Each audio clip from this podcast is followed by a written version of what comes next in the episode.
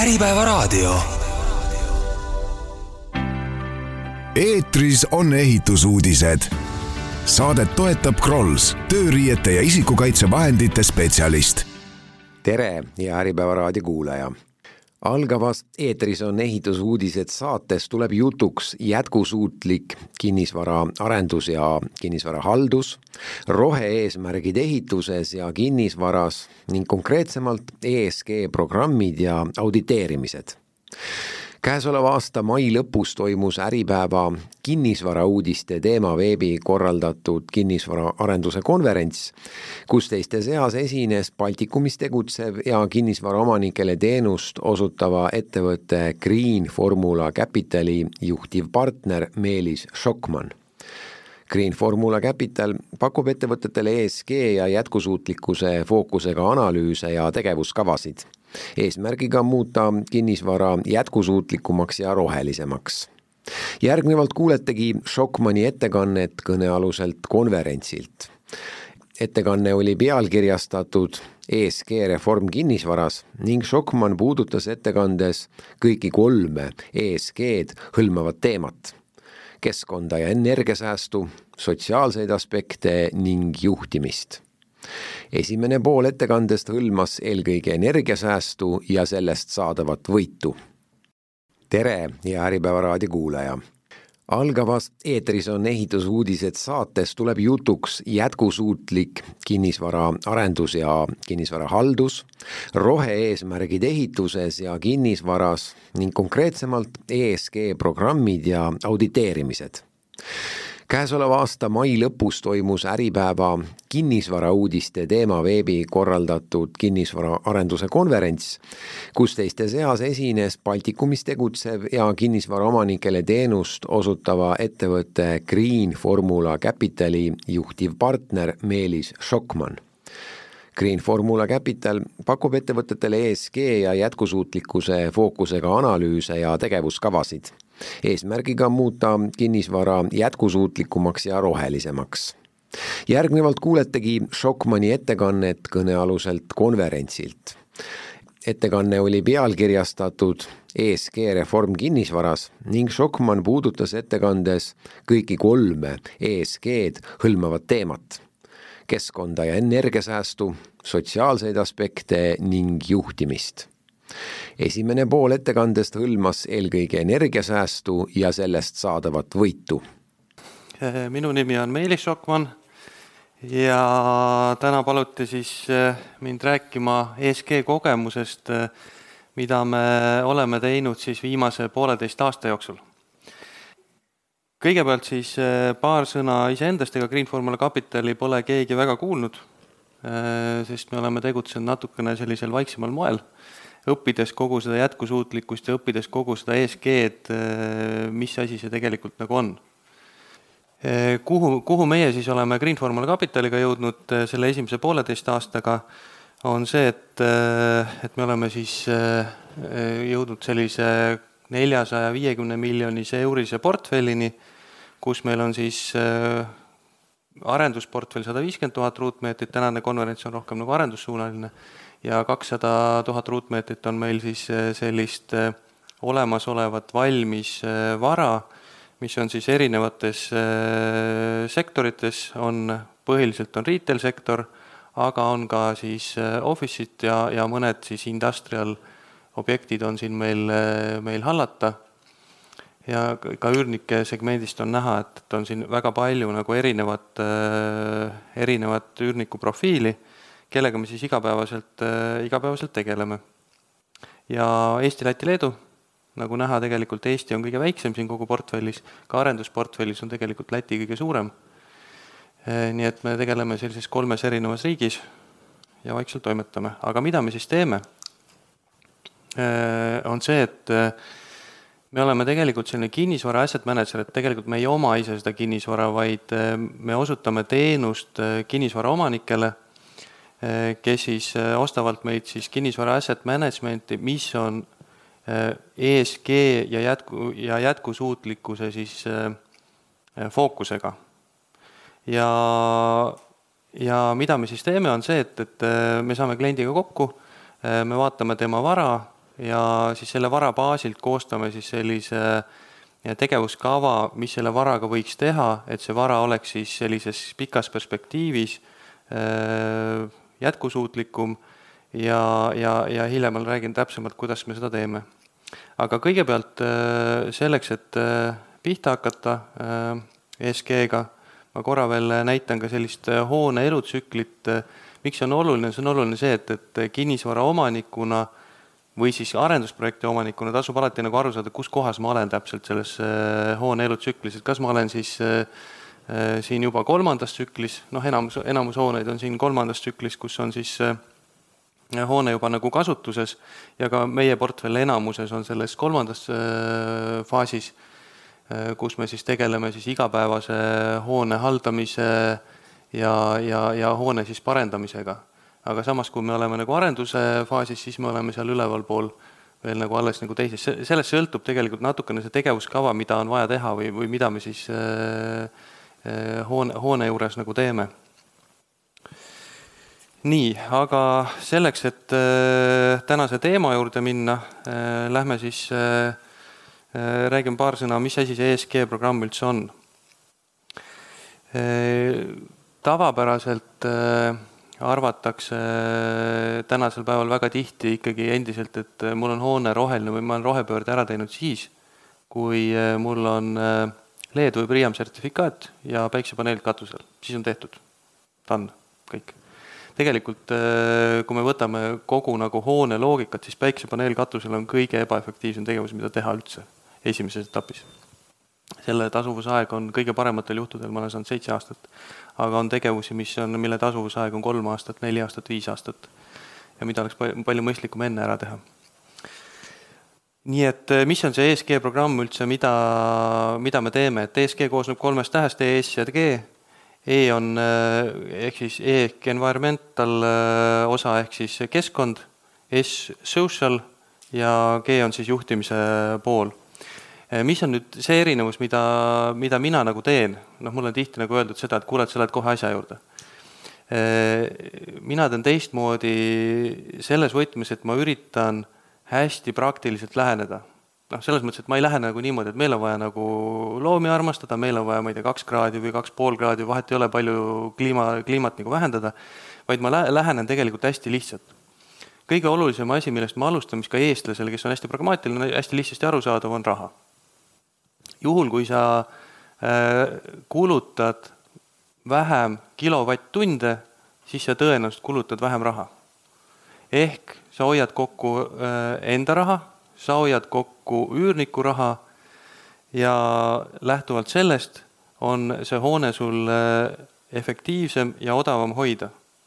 ehk siis energiakulu on nagu see, mis on minu jaoks kogu selle asja tegelikult baas, ma lähen sellega kohe edasi, pärast jõuan SEG-ni ka aga energiakulu on tegelikult äh, väga selgelt kõige lihtsamini mõõdetav asi.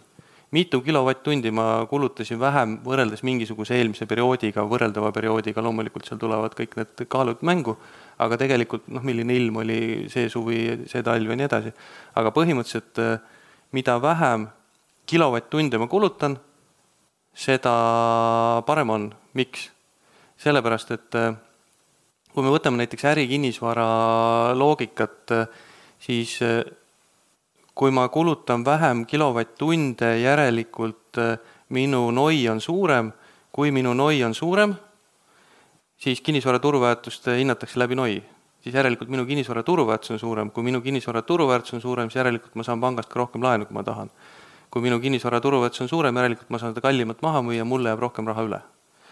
ja kui ma vaatan nagu üürniku seisukohalt äh, sedasama loogikat, siis üürnik tavaliselt, kui ta tuleb näiteks, võtame büroohoone, üürnik mõtleb, et okei okay,, minu kogukulu ruutmeetri kohta näiteks on kakskümmend eurot. Äh, see sisaldab kõike, kõik, kõik kulud, see on äh, kogu minu selle, selle pinna nagu rentimise kulu. siis nüüd, kui minul on kõrvalkulude tase näiteks viis eurot või minu kõrvalkulude tase on kolm eurot, siis see tähendab seda, et ma tegelikult renti saan kas siis viisteist või seitseteist. ehk kui ma saan seitseteist, järelikult äh, ma saan rohkem renti, järelikult rohkem raha jääb mulle. ehk äh, see on nagu väga selgelt mõõdetav ja väga selgelt nagu arusaadav, äh, minu jaoks vähemalt väga arusaadav lähenemine, et, et mulle jääb rohkem raha kätte, kui, kui ma olen energiatõhusam. ja kuidas me seda energiatõhusust või energia kokkuhoidu, eh, mis ma teen selleks, kõigepealt ma teen siis energiakulu kaardistuse objektil, vaatan, kuhu energia kulub. On ta siis noh, kõik tehnosüsteemid käiakse üle. Tellin energiaauditi, aga oluline on siinkohal see, et Äh, lähenema peaks kompleksselt, väga tihti ma olen näinud nagu seda, et tuleb väga hea müügimees müüb maha, et ma vahetan kõik pirnid ära teil siin. See on ainult üks osa kogu sellest mängust, sest kui sul on olnud tõesti nii-öelda vana aja niidiga pirnid, siis no ühes tehases muidugi juhtus niimoodi, et siis läks küte paigast ära, et enam küttesüsteem ei olnud välja, siis tuli arvestatud niimoodi, et lambid kütavad ka et, et tegelikult kogu seda nagu süsteemi peab vaatama kompleksselt, ei saa võtta nagu see, et ma tegelen ainult ventilatsiooniga või ma tegelen ainult äh, valgusega, vaid äh, see peaks lähenema nagu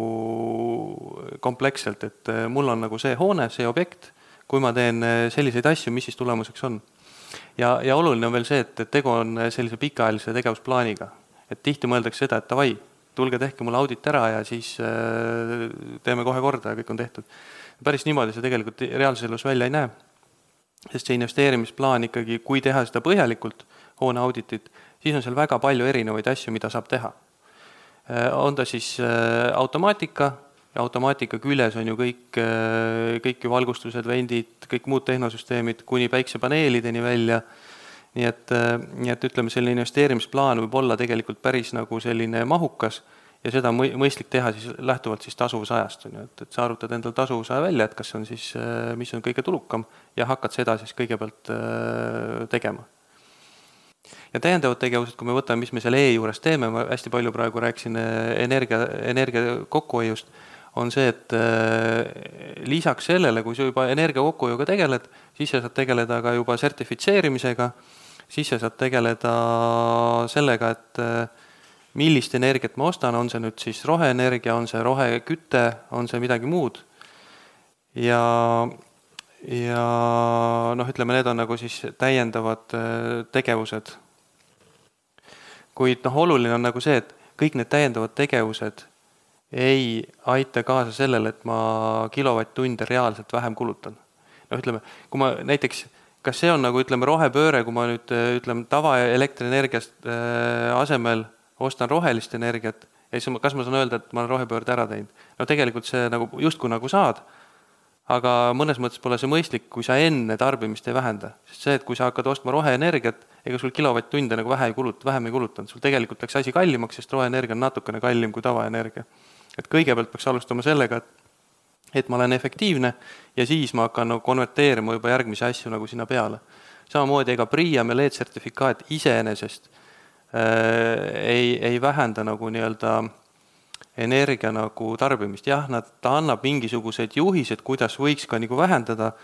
äh, kuid tihti näiteks just Priamiga on väga lihtne teha niimoodi, et kuue kuuga saad Priam serdi kätte, igal juhul saad kätte põhimõtteliselt. aga, aga noh, ütleme sul, sul taset ei anta, sulle antakse lihtsalt, sa oled nagu certified ja nüüd sinna peale tegelikult hakkad asju alles, alles nagu tegema. ja ja mis meil ka tegelikult on sellise eh, sertifitseerimisega nagu natukene juhtunud või mitte sertifitseerimisega, vaid eh, energiamärgisega juhtus meil selline lugu, et meil oli üks hoone, aasta vana, eh, just ostetud ja, ja ühel hetkel siis hakkasin vaatama, kui palju tegelikult energia kulu, energiat seal kulub. Öeldi, et see on B-kategooria hoone, B-energiamärgis.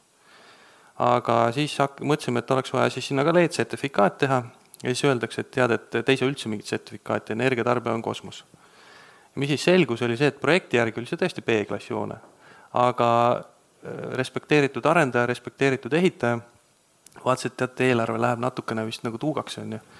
ja siis võeti ära BMS, siis võeti ära mingid muud asjad, kolmandad, neljandad, viiendad, ja siis, kui lõpuks nagu see siis ostja selle asja kätte sai, siis ta tegelikult oli a la F-klassi hoone ehk siis nüüd ostja hakkas uuesti siis äh, tagantjärgi nagu investeerima kõigepealt siis automaatikasse ja, ja muudesse asjadesse, et see hoone energiatarve jälle nagu kontrolli alla saada. ehk selliseid asju juhtub tegelikult reaalses elus ka, et kõik arendaja oli res-, väga respekteeritud ja, ja, ja, ja, ja ehitaja oli ka väga respekteeritud, aga lihtsalt selle arendusprotsessi ja projekt oli ka väga äge, aga lihtsalt selle, kogu selle protsessi käigus jäeti mingisugused asjad tähelepanuta ostja poolt ja siis selgus nagu see, et, et lihtsalt ratsiti mingid asjad ära. et alati ei tähenda see projektipõhine märgis seda, et see asi ka tegelikult selline on. nüüd sotsiaalne aspekt, see nüüd on nagu need asjad, mida tegelikult Eestis on vähem nagu räägitud, on see, et, et kogu seda hoonet või neid hooneid või kinnisvara, mis, millega me tegeleme, neid hooneid kasutab või siis nende hoonetega on seotud väga palju tegelikult erinevaid osapooli. no tavaliselt me mõtleme nagu seda, et noh, üürnik või, või kes ta seal ikka, ainult üürnik kasutab seda. aga tegelikult ei kasuta mitte ainult üürnik, vaid seda kasutab nii üürnik kui selle hoone klient kasutab seda kui tegelikult äh,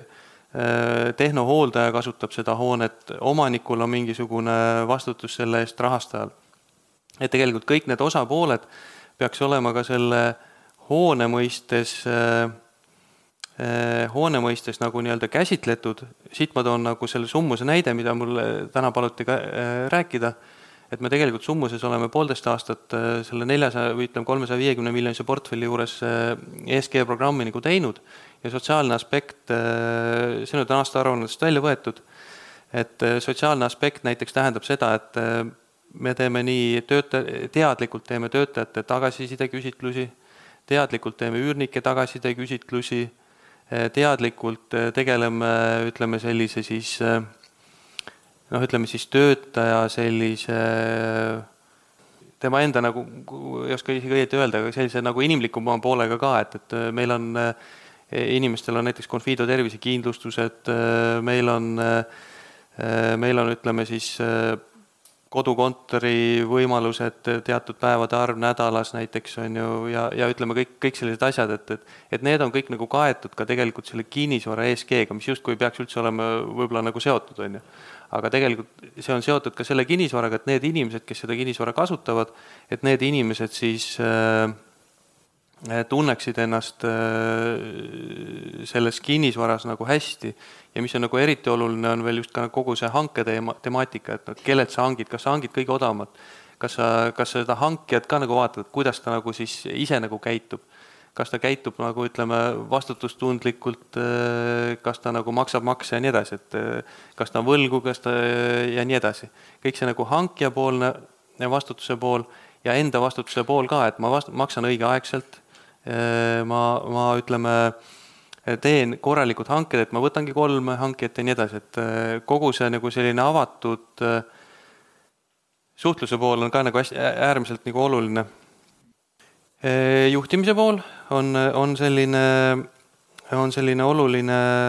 koht, mida ka nagu tasub eriti tänases just sellisest panganduse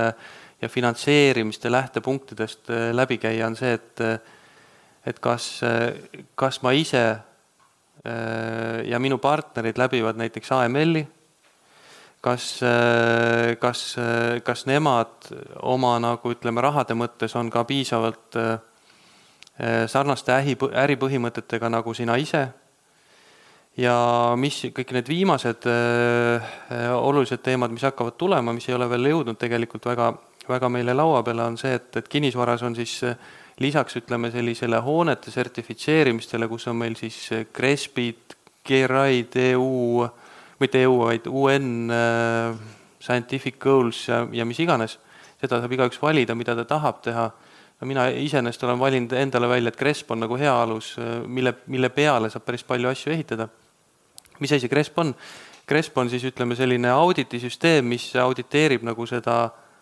ettevõtet, mitte ainult kinnisvara, kinnisvara auditeerib Leed ja Priiam, aga Cresp auditeerib siis äh, ettevõtet nagu sarnaste nagu põhimõtete järgi ja siis saab neid äh, ettevõtteid saab nagu võrrelda, et, et kas nad siis, äh, kus nad siis oma nagu sellise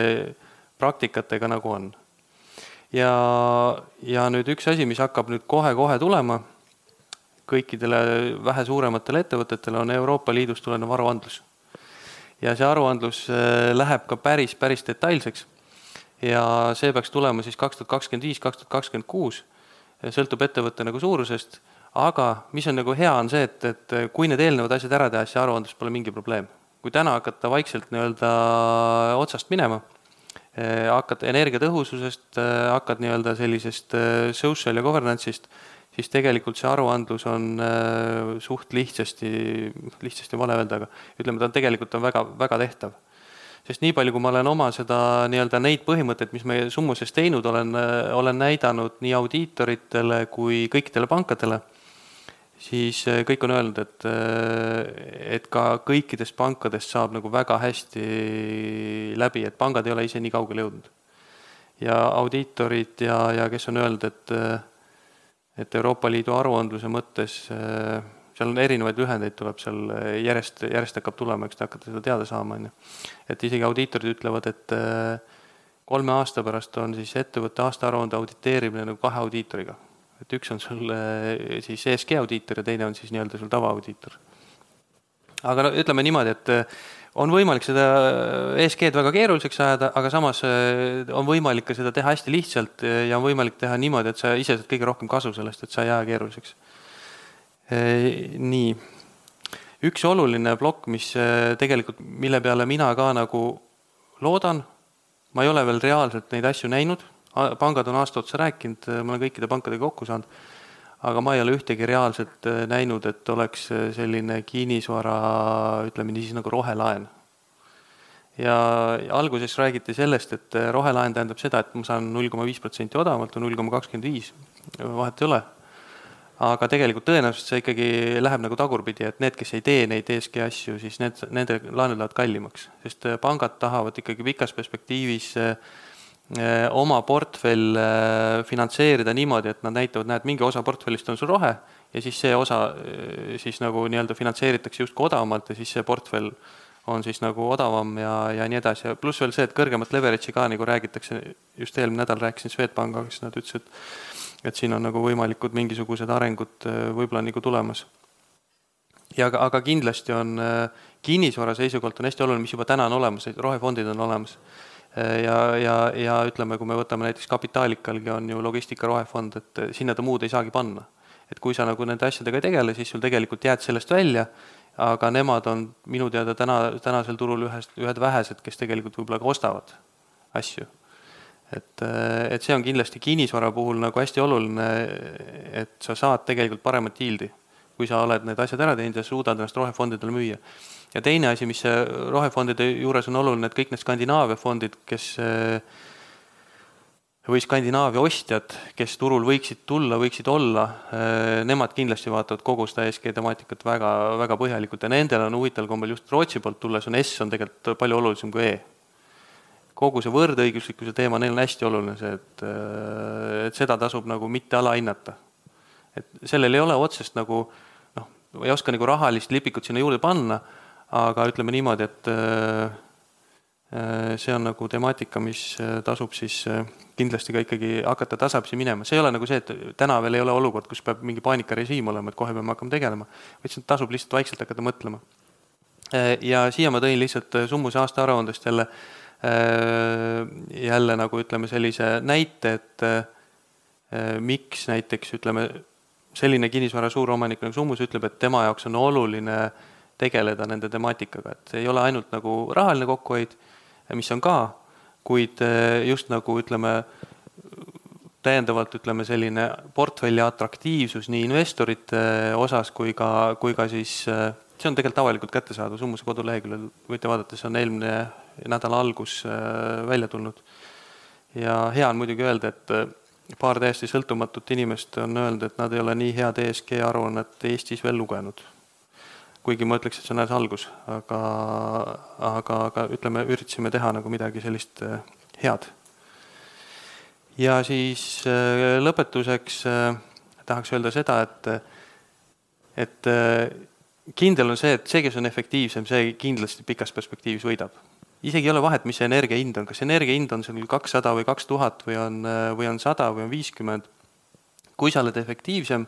siis sul on palju rohkem võimalusi sul on või-, sulle jääb rohkem raha üle, sa saad selle rahaga teha mida iganes, sa saad selle rahaga kas siis parendada, kas sa saad selle rahaga laene maha maksta, kas sa saad selle rahaga dividendi võtta, mida iganes. et tegelikult äh, igal juhul, kui sa oled efektiivsem, igal juhul sa võidad. Ja igal juhul äh,, igal juhul tasub ka nagu noh, mõelda sellele, et et siis sa oled atraktiivsem kõikidele vastaspooltele, ka nii üürnikele noh, tihti on ka nagu see, et, et kui sa tahad suuremaid üürnikke saada, rahvusvahelisi üürnikke, siis nendel on juba oma ESG nõuded peal. sa tegelikult ei saagi, sa ei saagi nendes, nende nagu vooru minna, kuna sul ei ole teatud asju nagu täidetud. nii et eh, tegelikult see annab natukene sellist laiemat, eh, laiemad võimalused ja mina soovitaks selle asjaga nagu hakata vaikselt tegelema, vaikselt mõtlema. nii et, eh, nii et see on selline lühikene, ühe hingetõmbega räägitud jutt, sest rohkem mul aega ei antud, ma võiks rääkida tunde mida me teinud oleme ja, ja mida võiks teha, nii et äh, suur aitäh selle kiirelt äh, räägitud hea ülevaate eest, me võime jah, kulmu natukene kortsutada võib-olla mõni, mõningatel hetkedel, et, et mis kohustused jälle, aga paratamatult see tulevik on. Mul on siin mõned küsimused ka ees, mis on laekunud, äh, puudutavad rohkem küll seda energia kokkuhoidu, pigem tundub mulle, aga loen nad ette kui tehnoseadmed on kulu, kas siis reaalses elus oleks vähemate tehnoseadmetega hoone rohelisem ja kulusäästlikum? no kuidas ma nüüd ütlen, et eh, tegelikult eh, kui me vaatame nagu eh, peale energia auditi investeerimisplaani, siis üldiselt millest tasub alustada, on ikkagi automaatikasüsteem, sest see on nagu kogu selle hoone süda ja siis sellele automaatikasüsteemile tasub siis külge panna kõik eh, noh, ütleme siis valgustused, ventilatsioonid, mis võimaldavad siis nii-öelda sellist tsoneerimist, võimaldavad teatud väljalülitamist ja nii edasi. Et noh, küsimus on nagu seadmes ja seadmes, on ju, et, et ma arvan, et tänapäeva seadmed äh, pigem tekitavad rohkem kokkuhoidu kui nagu seda kulu poolt. noh, loomulikult ega tänapäeva seadmetel on ka, et kui sa võtad see automaatikasüsteem, ega see ei ole kahekümne viie aastase äh, elueaga, et tõenäoliselt nende eluead ikka palju lühemad, on ju. et kui sul on jah, mingisugune suur ventilaator kuskil nurgas, siis tõenäoliselt see võib kakskümmend viis aastat seal põristada küll. aga noh, sellega on jällegi see lugu, et äh, noh, reaalne, reaalsest elust näide jällegi, et et käisime ühel objektil koos eksperdiga ja siis äh, Äh, hoone haldaja küsis, et kuule, et kas te seal äh, tehnoruumis ikka lambi välja lülitasite või? siis äh, kõrval hakkas naerma see ekspert, ütles, et kuule, et Meelis, et et see lamp võib seal põleda kakskümmend neli tundi, sest see ventilaator pani tühja seal kogu aeg, on ju. et noh, tegelikult ütleme, tihti on ka nagu see, et, et see tehnohooldus või tehnohaldus, mida tellitakse, ei ole nagu noh, läbimõeldud liiga hea kvaliteediga, et, et, et see automaatika ja, ja tänapäevased seadmed võimaldavad minu arvates ikkagi rohkem kokkuhoidu tekitada kui see, mis sa seal lõpuks kulutad. sest oli ka meil juhus, kus oli ka maja, kus oli nagu füüsiliselt asju nagu lülitati. seesama BMS-i maja näiteks. mis seal juhtus, seal oli see, et tuli Covid. Covidi ajal öeldi, et nii, kõik ventilatsioon peab töötama sada protsenti, pange kõik, pandi põhja. aga kuna seesama vend äh, unustas selle ära, on ju, ja siis aasta pärast vaatas, et kurat, see vend paneb ikka kakskümmend neli tundi täis põhja, täisgaasiga, on ju. aga kui sul nagu on, ütleme, tänapäevased automaatikasüsteemid, siis sul tegelikult ei saa seda juhtuda, siis sul vähemalt on mingisugune, iga hommik tuleb mingi pling-pling, et kuule, tegele sellega, vaata, midagi on valesti. et, et selles mõttes ma millegipärast usun ikkagi, et tänapäevased automaatikasüsteemid ikkagi eh, mõistlikult investeerides on, eh, on nagu mõistlik teha ja noh, ütleme, võib-olla korra veel lisan nagu selle, iga investeeringu juures peab olema nagu nii-öelda natukene kaine mõistusega ka selle ESG mõttes on ju, et sa saad sertifitseerimisega minna hulluks ka seal kohas, kus näiteks äh, LED-sertifikaat nõudis meil ühe koha peal äh, tehke äh, hoone katusele mingid linnud või mingisugused asjad on ju, pange sinna elama, on ju. noh, sama tegelikult nagu, nagu täna ju siin ka, kes reklaamib, et ma panin mesilaste aru, panin kesklinnas on ju katusele, on ju. No ma ütleks veits nagu see võib-olla nagu peaks mõtlema nagu ikkagi nagu mõistusega, on ju noh, sama hästi võiks öelda, et kõik nagu rohealad kesklinnas võiks nagu kartulipõldudeks teha, et siis oleks nagu palju rohkem kasu, on ju, ESG mõttes, aga noh, see on ka, ma ütlen, et et igal asjal saab nagu äärmusest äärmusse minna, et tuleb nagu mõistusega nagu võtta kõiki neid asju. soovitakse teada ka teie arvamust, hinnangut LED või Pream, kumba eelistada? no ütleme niimoodi, et tegelikult ei ole nagu vahet, kui sa vaatad investorite seisukohalt, siis nemad ütlevad, kas LED või Priam. Ja ei ole vahet tegelikult absoluutselt. Priamit on oluliselt lihtsam teha mina ütleks praktilisest äh, seisukohast lähtuvalt. aga sõltub nagu investoritest, mõnikord Ameerika investorid, et nemad tunnevad LED-i ja that's it, et äh, Priam neid ei huvita, aga, aga üldiselt äh, investorite seisukohalt ei ole mitte mingit vahet, ei ole Priam või Liiat.